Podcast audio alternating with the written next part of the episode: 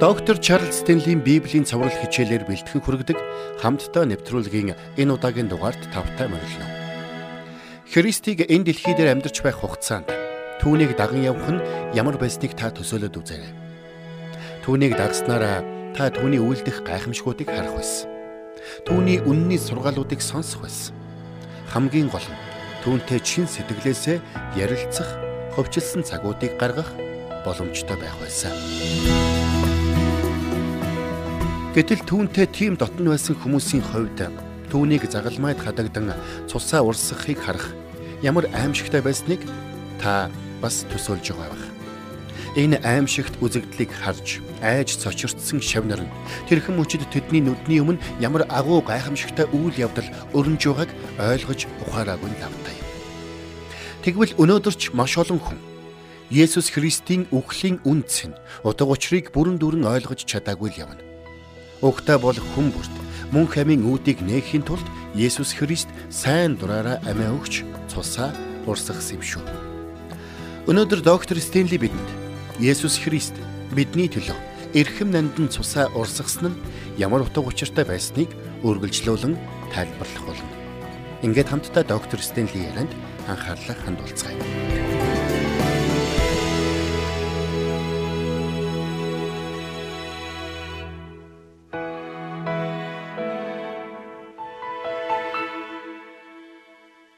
Христэд итгэгчид бид бүгд Христийн загалмаа дээр урсгасан цусаар дамжуулан Бурханаас авралыг авсан юм.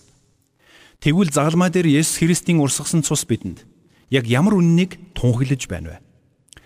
Бурхан бол ариун бөгөөд гим нүгэлтэй холбогдох ямар ч боломжгүй энэ чухал үннийг Христийн цус бидэнд тунхаглаж байсан юм. Ингээд хамтдаа Ром номын 3 дугаар бүлгийг нээгээд 21-с 26 дугаар эшлэлдэр Илч Паул энэ тухай юу гэж бичсэнийг харцгаая. 21-с Харин идүүгээ Бурхны зөв нь хуулиас ангид илчлэгдэв. Үүнийг хууль ба иш үзүүлэгчд гэрчилсэн юм. Есүс Христэд итгэх итгэлээр Бурхны зөв нь итгэгч бүхэнд байна. Ялгуурлал байхгүй. Бүгд нүгэл үйлдсэн тул Бурхны алдарт хүрдэггүй авч. Христ Есүсийн золилтоор дамжин Бурхны нэгүслэр үнгүй зөвтгөгдөжээ урд үйлдэгдсэн нүглүүдийг Бурхан төвчин өнгөрүүлсэн учраас өөрийнхөө зөвийг илэрхийлэхийн тулд түүний цуснд итгэх итгэлээр дамжуулан Бурхан түүнийг эвлэрүүлэл гэж нийтэд харуулв. Энэ нь эдүгээ цагт өөрийнхөө зөвийг илэрхийлэх мөн Есүс Христэд итгэгчийг зөвтгөхийн тулд билээ. За тэгэхээр миний сая үнсэн ишлүүдийг тайлбарлсан маш олон бот номнууд бий. Учир нь энэ хэсэг бол Библийн амин зүрх гэж хэлж болох үйс маш чухал хэсэг байгаа юм. Энд хэлэгдсэн үгсийг нэгтгэхэд хэлэх юм бол Есүс Христийн үүрсэн загалмаа болон Голготын толгод дээр түүний үхлээс ангид хинч зөвтгөгдөж Бурхны хүүхэд болох боломжгүй гэсэн утгыг агуулж байгаа юм. Хуучин гэрийн Изекэл номын 18-ын 20 хэлэхдээ нүгэл үлдэгч ам өөхөх болно гэсэн байдаг. Өөрөөр хэлбэл гим нүгэл үлдсэн хүмүүр үйлцэн нүглийнхээ улмаас амиа өгөх ёстой байна. Тэгвэл гим нүгэлт хүмүүсийг бурхан энэ үглийн шийтгэлээс хэрхэн чөлөөлөх вэ? Өөрөө өөрийнхөө тогтоосон хуулийг зөрчилгүйгээр хэрхэн зөвтгөл цагаатгалыг бидэнд өгөх вэ? Үүний тулд гим нүгэл огт үйлдэггүй хэн нэгэн бидний өмнөөс үхэж бидний төлөх ёстой байсан төлөөсийг төлнө гэсэн үг юм. Жухамда энэ шалтгааны улмаас Бурхан өөрийн цорын ганц хүүг бидний төлөө илгээсэн юм. Есүс Христ энэ дэлхий дээр гим нүгэлгүй, өөсөвгүй, зөвхт амьдралаар амьдарч бид бүгдийн гимнүглийн төлөөсийг төлөхийн тулд загалмаа дээр цусаа урсган амиа өгсөн юм. Тинхүү түүнд итгэвч хүн бүрийг бурхан зөвтгөж түүнийг өөрийн хүүхдүүдээ болгон хүлээн авах боломжтой болсон юм. Ингээд мөн хамтдаа хуучин гэрээний Лев номын 17-гийн 11-ийг харъя. Учир нь бие махбодын амин цусанд байдаг юм. Түүнийг би тахилын ширээнд зориулан амийн чин эвлэрүүллийг хийхээр та нарт өгсөн юм. Учир нь амийн эвлэрүүллийг цус хийдэг юмаа гэж хэлсэн байдаг. За тэгэхээр эндээс харах юм бол альва нүгэлтнийг бурхантай эвлэрүүлэхийн тулд цус урсах шаардлагатай гэдэг нь тодорхой байна. Харин цус урсан гэдэг нь амийг таслана гэсэн утгатай юм. Тиймээс ч Лев номын 17-гийн 11-т учир нь бие махбодын амин цусанд байдаг юмаа гэж хэлсэн байгаа юм. Бурхан өөрөө төгс ариун учраас гим нүгэлтэй хүмүүсийг хүлээн авч тэдэнтэй ойр дотн харилцаатай байх ямар ч боломжгүй юм. Тиймээс тэдэнтэй эвлэрхийн тулд тэдний төлөх ёстой байсан төлөөс заавал төлөгдөх ёстой болсон юм. Харин тэр нүглийн төлөөс болгож Есүс Христ загалмаа дээр цусаа урсгасан юм. Тиймээс хуучин гэрээнд цус урсган тахил өргөдөг байсан зүгээр нэг тахилын зан үйл төдий зүйл биш байсан юм. Харин энэ бол Бурхны ариун байдлыг илэрхийлсэн гүн гүнзгий утга санаа байсан юм шүү. Бурхан өөрийн ариун байдлыг тунхаглахын тулд Израиль үндэстнийг сонгон ариун үндэстэн болгон тусгаарлсан байсан юм. Тухайн үедээ тэд Бурхны ариун байдлыг бэлэгдэн харуулах ёстой байсан. Тиймээс Бурхан тэднийг өөртөө дуудсны дараа майхан сүмийг тэдэнд өгсөн юм. Тэр бол Израильчүүдийн Бурхантай уулзах газар байсан. Тэрхүү майхан сүм дотор ариун газар болон онцгой бүр ариунаас ариун газрыг бий болгож өгсөн юм. Үүний дараа тэдэнд тахилчлалын системийг өгсөн юм. Тэрүүн тахилчид, мөн жирийн тахилчид болон ер нь Лев овгийнхан хамтдаа бурханд тахил өргөх тахилчлалын системийг бүрдүүлж байсан юм. Тэрүүн тахилч нь жил бүр нэг өдөр онцгой ариун газарт тахилын цусыг аван ордог байсан. Тэрхүү онцгой ариун газарт бурхан 10 хуулийг агуулсан гэрээний авдар Аароны нахиалсан таяг буюу мөн тавиг талхнууд байдаг байсан юм. Харин гэрээний авдрын дээр эвлэрүүллийн таг буюу өршөөлийн суудал оршдог байсан. Улмаар тэрүүн дахилч нь жилд нэг удаа онцгой ариун газарт орохдоо Бурхны оршихуйг бэлэгдсэн өршөөлийн суудлын өмнө Израиль үндэстний гим нүглийн цаатгал зориулсан тахилын цусыг авчирдаг байсан юм. Хэрвээ тухайн үед хэн нэгэн хүн гим нүгэл үлдсэн байвал тэр тахилч дээр хураг авч очдог байсан. Тэгээд тэрхүү хургаа тахилчд өгч тухайн нүглийнхээ төлөө тахил өргөж өгөхийг хүсдэг байсан. Тэгээд тэр хүн хурганы толгой дээр гараа тавиад Бурхны өмнө бүх нүглээ тоочин гимшдэг байжээ. Үүний дараа тахилж уг хурганы хоолойг хэрчиж цусыг урсгадаг байв.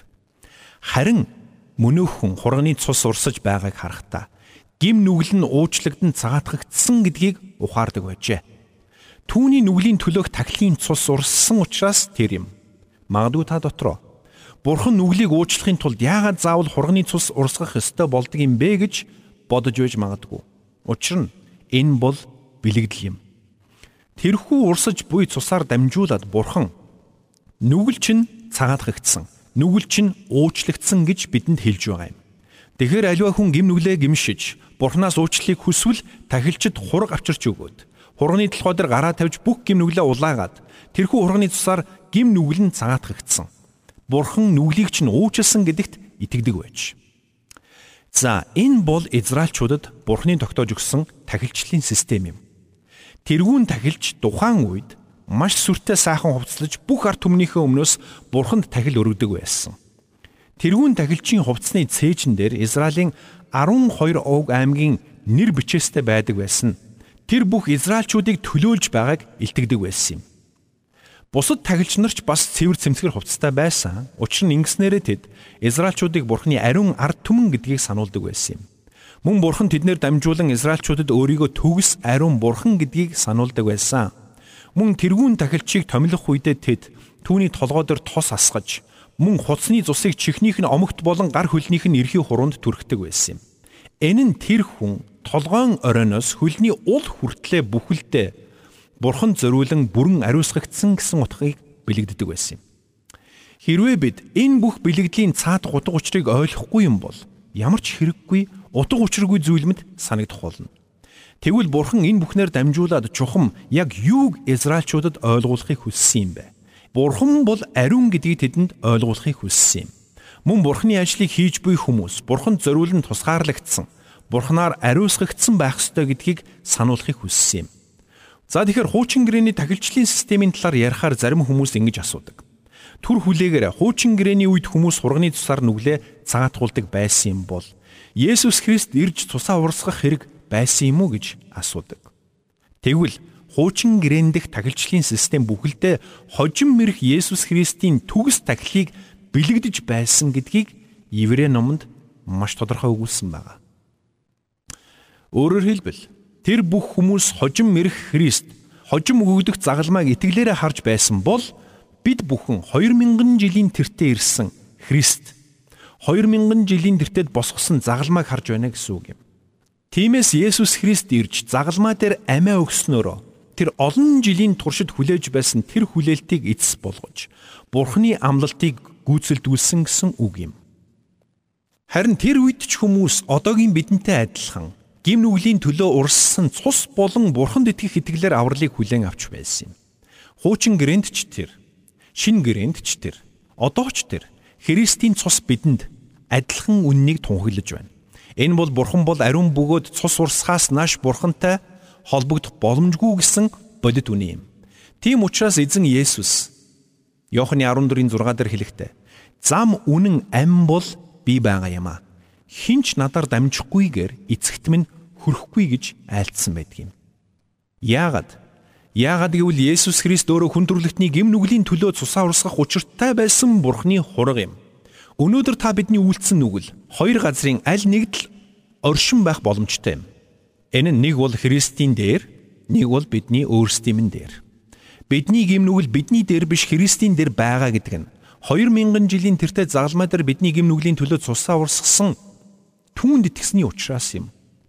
Тийм учраас бид Бурханд итгэх итгэлийн залбирлыг үйлдэхдээ би Есүс Христ миний төлөө загалмай дээр цусаа урсгаж миний бүх гим нүглийн асуудлыг шийдсэн гэдэгт итгэж байна хэмээн залбирдаг шүү дээ.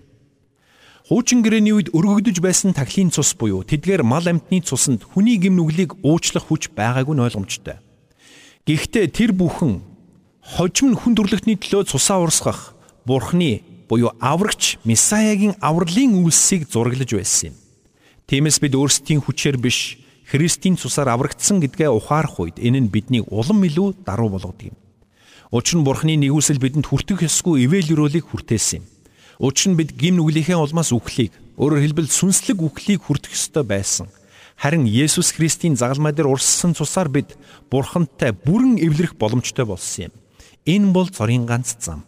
Хэрвээ үүнээс өөр арга замаар Бурхантай эвлэрэх боломжтой байсан бол хуучин гэрэндэх тахилчлалын систем бүхэлдээ хэрэггүй зүйл болон хуурах байсан. Хэрвээ хүмүүс бид Есүс Христийн цуснаас өөр арга замаар Бурхны авралыг авах боломжтой байсан бол энэ нь хуучин гэрээний тахилчлалын системийг бүхэлд нь үгүйсгэсэн хэрэг болох юм. Шин гэрээч адилхан. Хэрвээ бид өөрсдийнхөө арга замаар гим нүглүүдэд уучлуулж, өөрсдийнхөө арга замаар авралыг олж авч чадах байсан бол Есүс Христийн үхэл ямар ч хэрэггүй болох байсан юм. Тиймээс бид үйлсээрээ аврагдах боломжгүй гэдгийг бид хатуу ойлгох хэрэгтэй. Магадгүй та дотроо хүлээгээрээ би сайн нөхөр би сайн аав, сайн хүн байх юм бол бие зүв авч явдаг, гэр бүлээ сайн тэтгэж ажиллаа сайн хийж, бусдад буян үйлдэх юм бол мөн ёс суртахууны хувьд алдаа мадаггүй байх юм бол бурхан намайг хүлээж авахгүй гэж үү гэж асууж байна уу? Үгүй ээ. Хүлээж авахгүй гэж би танд хариулна. Яагаад тэр вэ? Яагаад гэвэл та ингэж асууж байгаагаараа нэгэн чухал зүйлийг мартаж байна гэсэн үг юм. Энэ нь таны гимнүглийн асуудал. Таны гимнүгэл таныг бурхнаас тусгаарлсан. Харин тэр бурхан бол зөвхт ариун бурхан. Тэр бурханы зөвхт ариуны хэмжээнд бид өөрсдийн хүчээр хүрэх ямар ч боломжгүй. Энэ талаар Исая номын 64-ийн 6-д хэлэхдээ бид бүгд бузар хамаг зөвхт байдлууд маань бохир хувцсан мэт юм. Бид бүгдээрээ навч мэт хатан хорчиж хилэнц маань биднийг салхи мэт хийсгэнэ гэсэн байдаг. Бурхан ямар хатуу сэтгэлтэй юм бэ гэж та бодож байна уу? Ингэж асууснараа та Бурхны ариун байдлыг ойлгохгүй байна гэсэн үг юм. Хүмүүс бид бүгд л өөрсдийн үйлсээрээ сайрахдаг. Ингэхдээ хүмүүс өөрсдийгөө хинтээ харьцуулах вэ? Бусад хүмүүстэй харьцуулдаг.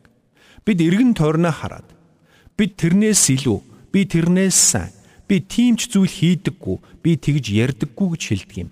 Ингэснээрээ тэд өөрсдийгөө бусадтай харьцуулж өөрсдийгөө зөвхт химэн өргөмжилж байна гэсэн үг юм. Үнэн дээр бид өөрсдийгөө хэдий ч нэ муу хүнтэй харьцуулна. Өөрсдөө төдий ч нэ сайн болж харагдана гэсэн үг. Ингээд үзвэл хүмүүс бидний өөрсдийн зөвхт байдлын хим хэмжээ харьцангуй гэсэн үг юм. Бид өөрсдийнхөө зөвхт байдлыг Бурхны хим хэмжээ. Бурхны ариун байдал бус. Би битэйгээ харьцуулах нь өөрөө ямар өрөөсгөл болохыг таарж байгаа бах. Учир нь хичнээн муухан байсан ч өөрөөсөө бүр илүү муу хүнийг олоод өөрийгөө харьцуулж хизээд чадна шүү дээ. Өнөөдөр хүмүүс бурхнаас имээхгүй. Бурхны зөвхт байдал, бурхны ариун байдлыг үл тоон амьдрч байгаа нь юутай холбоотой вэ? Өнөөдөр итгэж хүмүүс ч Бурхны тухай ярихдаа түүний хайр, инэрл, өршөөл, нэгүслийн тухай илүү ярьж, залбиралд хариулт гайхамшигтай Бурхан гэж түлхүү ярих болжээ. Мэдээж энэ бүхэн үнэ. Гэхдээ Бурхны зөвхт байдал, түүний ариун байдлыг яах вэ? Үнэн дээр Бурхны зөвхт ариун байдлыг хүлээн зөвшөөрж, түүнийг эмэн хүндлэх нь бидний итгэл бишрэлийн салшгүй нэгэн хэсэг байх учиртай юм. Та нэг зүйлийг сайн бодоод үзээрэй. Та бидний итгэдэг, үйлчилдэг Бурхан бол ариун Бурхан. Тэр ариун учраас бид түүнийг эмээн хүндлэх юм. Эмээн хүндлэн гэдэг нь цуглаан дээр дүүгөө сууж бие барина гэсэн үг биш. Бид Бурхныг баяр хөөртэйгээр магтан дуулж хаалелуя хэмээн хашгирч болно. Гэхдээ ийхүү хашгирахтаач эсвэл чимээгүй байхтаач тэр Бурханаас эмээсэн Бурхныг нэн хүндэлсэн хандлагатай байх учиртай юм. Хэрвээ бид Бурханаас эмээж байгаа бол энэ нь бидний амьдралын талбар нэг бүрт нөлөөлөх болно. Учир нь бид өдөр бүр хорон бүрд Бурхны оршихуй дотор Бурхантай хамт алхдаг юм. Бид бүгд Бурхны хөвгүүд охид болсон. Бурхан биднийг Есүс Христийн цусаар худалдан авч угааж цэвэрлэн ариусгаад өөрийн хүүхдүүд болгон хүлээн авсан юм. Найз минь, энэ ивэл юрол хямдхан олдоогүй. Та бидний гимнүглийн уучлал Бурхны амины үнэтэй юм. Хүү Бурхан бидний төлөө амиа өгсөн. Үүнийг бид хямд хэмээн тооцож хөнгөн үзэж болохгүй хуучин гэрээнд гарч байгаа тахилч нарын өмссөн хувцс тэдний эдл хэрэглээр дамжуулаад өөрийгөө ариун бурхан гэдгийг болон Израильчууд болон ариун үндэстэн гэдгийг үргэлж сануулдаг байсан юм. Гэхдээ өнөөдөр тэр бүх тахилчлалын систем үгүй болсон. Есүс Христ энэ дэлхийд ирээд энэ бүх тахилчлалын системийг бүрэн дүүрэн болгож хуучныхыг хэрэггүй болгосон юм. Тийм ч учраас фарисеучуд, садукеучуд Есүсийг үзен ядаж байсан. Учир нь Есүсийг ирэх үед Израилийн тэргүүн тахилч нь шашны үүрэг хариуцлагаасаа гадна улс төрийн үүрэгтэн хүн болж хувирсан байсан. Тэр утгаараа тэргүүн тахилч нь шашин төрийг хослуулан баригч болсон байсан юм. Тиймээс Есүс ирээд тэдний энэ эрх дарахыг эсэргүүцсэн. Тэргүүн тахилчийн улс төрийн болон шашны эрх мэдлийг Есүс сөрж байсан юм. Тиймээс ч тэд Есүсийг үзен ядаж эцэст нь түүний амьд хүрсэн юм. Гэхдээ хүний нүдээр харахад тэд Есүсийг цовдлж байгаа мэт харагдаж байсан ч үнэн хэрэгтээ Бурхан эцэг нь түүнийг загалмай руу илгээсэн юм. Харин тэд үүнийг хэрэгжүүлэгч нар нь болсон юм. Тиймээс ч Есүс Христийн улмаас хуучин гэрээний тэр бүх тахилчлалын систем цаашид шаардлагагүй болсон. За мэдээж энэ талаар Еврей номын 7 дугаар бүлгийн 26-аас 27-д энхүү бичсэн байна. Учир нь бидэнд ариун, гэмгүй, бузартаагүй агаад нүгэлтнүүдээс тусгаарлагдсан Тэнгэрээс өндөрт өргөмжлөгдсөн тийм тэрүүн тахилч байх нь зохистой байв. Тэр тэдгээр тэрүүн тахилч нарын адил эхлээд өөрийн нүглийн төлөө дараа нь хүмүүсийн нүглийн төлөө өдөр бүр тахил өргөх шаардлагагүй. Яг гэвэл тэрээр өөрийгөө бүгдийн төлөө тахил болгохдоо үүнийгээ нэг мүссэн хийжээ гэсэн байна. Мөн цааш нь Еврей номын 9 дугаар бүлгийн 11-ээс 14-ыг харах юм бол харин эрх сайн юмсийн тэрүүн тахилчаар Христ ирэхдээ илүү агуу бөгөөд илүү төгс асраар нэвтрэв. Энэ насар гараар хийгдэггүй. Өөрөөр хэлбэл энхүү бүтээлийнх биш ажээ. Тэр ямааны болоод туулын цусаар бус. Харин мөнхийн золилтыг агуулan өөрийнхөө цусаар ариун газарт нэг мүссэн бүгдийн төлөө орсон юм а. Учир нь махуудыг цэвэршүүлэхийн тулд бузартагсдын дээр ямааны болоод бухын цус охин бярууны үнсийг цацаж ариусгадаг байсан юм бол тэгэх тусмаа мөнх сүнсээр өөсөвгөө өөрийгөө бурханд өргөсөн Христийн цус нь мэс чанарыг маань үхлийн үйлсээс цэвэрлэн амьд бурханд үйлчлүүлэн шүү дээ гэсэн байна. Үнэн дээр диавол буюу сатан загалмаан дээр Есүс Христийг үгүй хийх гэж хамаг байдгаараа оролцсон. Фарисеучуд болон садукеучуд Есүсийг үгүй хийчихлээ гэж бодсон. Гэсэн ч Есүс үхлээс амилсан юм. Иерусалимын сүмдэх онцгой ариун газрыг тусгаарладаг байсан хөшиг дээрээсээ доош цуурагдсан. Энэ хөшгийг хэн нэгэн хүн биш харин Бурхан өөрөө урсан юм. Үүгээрээ Бурхан юу гэж хэлж байна вэ гэвэл цаашид хинч Бурханы өмнө очихын тулд тахилчаар дамжих шаардлагагүй болсон гэдгийг үүгээрээ Бурхан илэрхийлж байгаа юм. Учир нь Есүс Христийн цус урссан учраас Бурханд хүрэх зам бидний өмнө цэлийтэл нээгдсэн юм. Тиймээс одоо бидэнд тахилч хэрэггүй. Бурханд залбирахын тулд танд пастор хэрэггүй. Та хаанч хизээч ямар ч нөхцөлд Бурхан тандан залбирах бүрэн боломжтой болсон. Хүн төрлөختөн болон Бурханы хооронд гүүр болсон ганц л зууч бий. Тэр бол Есүс Христ. Учир нь тэр цорын ганцаараа үүнийг гүйцэтгэх ёстой нэгэн байсан юм. Бидний төлөө цусаа урсгаж бидний түлэх ёстой байсан төлөөсийг түлэх зохистой цорын ганц нэгэн байсан нь Есүс Христ байсан юм. Тиймээс ч тэр Бурхны тахилын хураг болон дэлхийд ирсэн. Түүнд итгэж түүний цусаар хужигдсан альва хүн бүрэн уучлагдсан. Тэгвэл Христийн эрдэнэт цус бидэнд ямар үннийг тунхилдаг юм бэ? Тэрл цус бидэнд Бурхан бол ариун хэмээн тунхилдаг. Түүний энэ төгс ариун байдлын улмаас гим нүгэлт хүмүүс бид түүн рүү ойртох ямар ч боломжгүй байх байсан.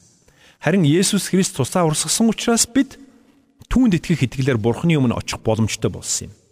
Тиймээс ч хуучин гэрэн дэх тахилчлалын систем бүхлээр Бурхны ариун байдлыг тунхаглаж байсан.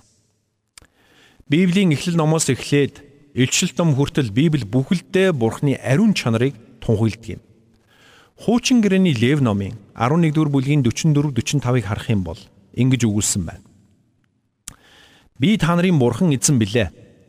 Иймээс Би ариун тул өөрсдийгөө ариусгаж ариун байх тун.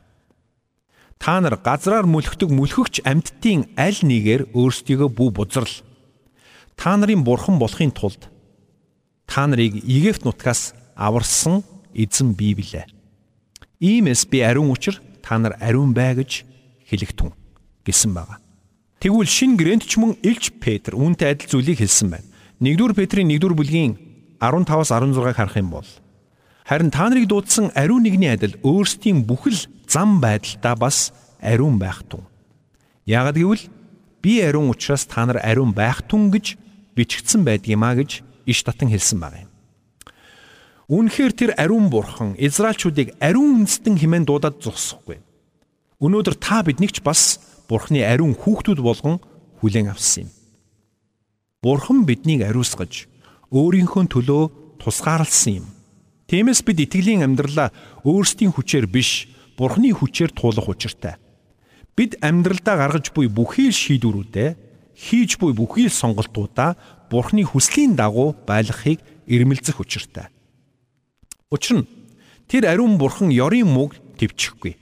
Өнөөдөр бид Бурханд хүлээн зөвшөөрөгдөж Бурхны хүүхдүүд болсон ганц шалтгаан бол та бидний төлөө загалмай дээр урсгасан Есүс Христийн ариун цус юм. Харин тэр цус бидэнд ямар үннийг тунхаглаж байна вэ? Бурхны ариун байдлыг бас бидний хүлээн авсан аврал уучлал хямдхан байгаагүймаа гэдгийг тунхаглаж байгаа юм.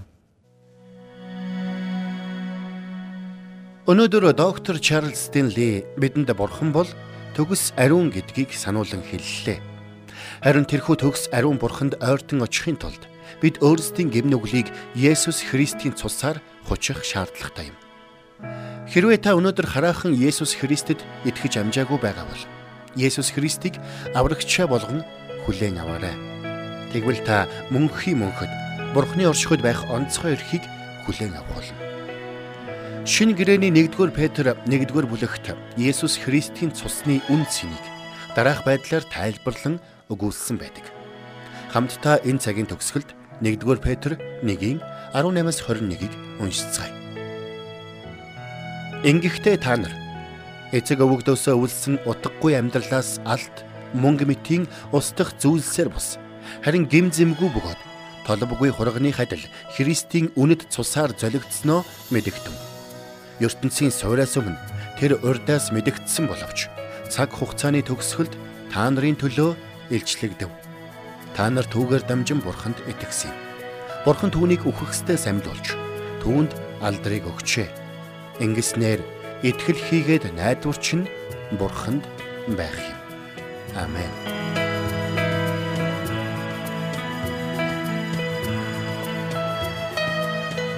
Бурханд тэмүүлсэн сэтгэл хүмүүсийг энэрх зөрхөөр амьдрахад туслах номлогч доктор Чарлз Стенлигийн хамттай нэвтрүүлэг сонсогч танд хүрлээ нэвтрүүлгийг дахин сонсохыг хүсвэл ихтгэл радиоцик.com-оор зочлоорой. Бидэнтэй холбогдохыг хүсвэл 8085 99 тэгтэг дугаард хандаарай.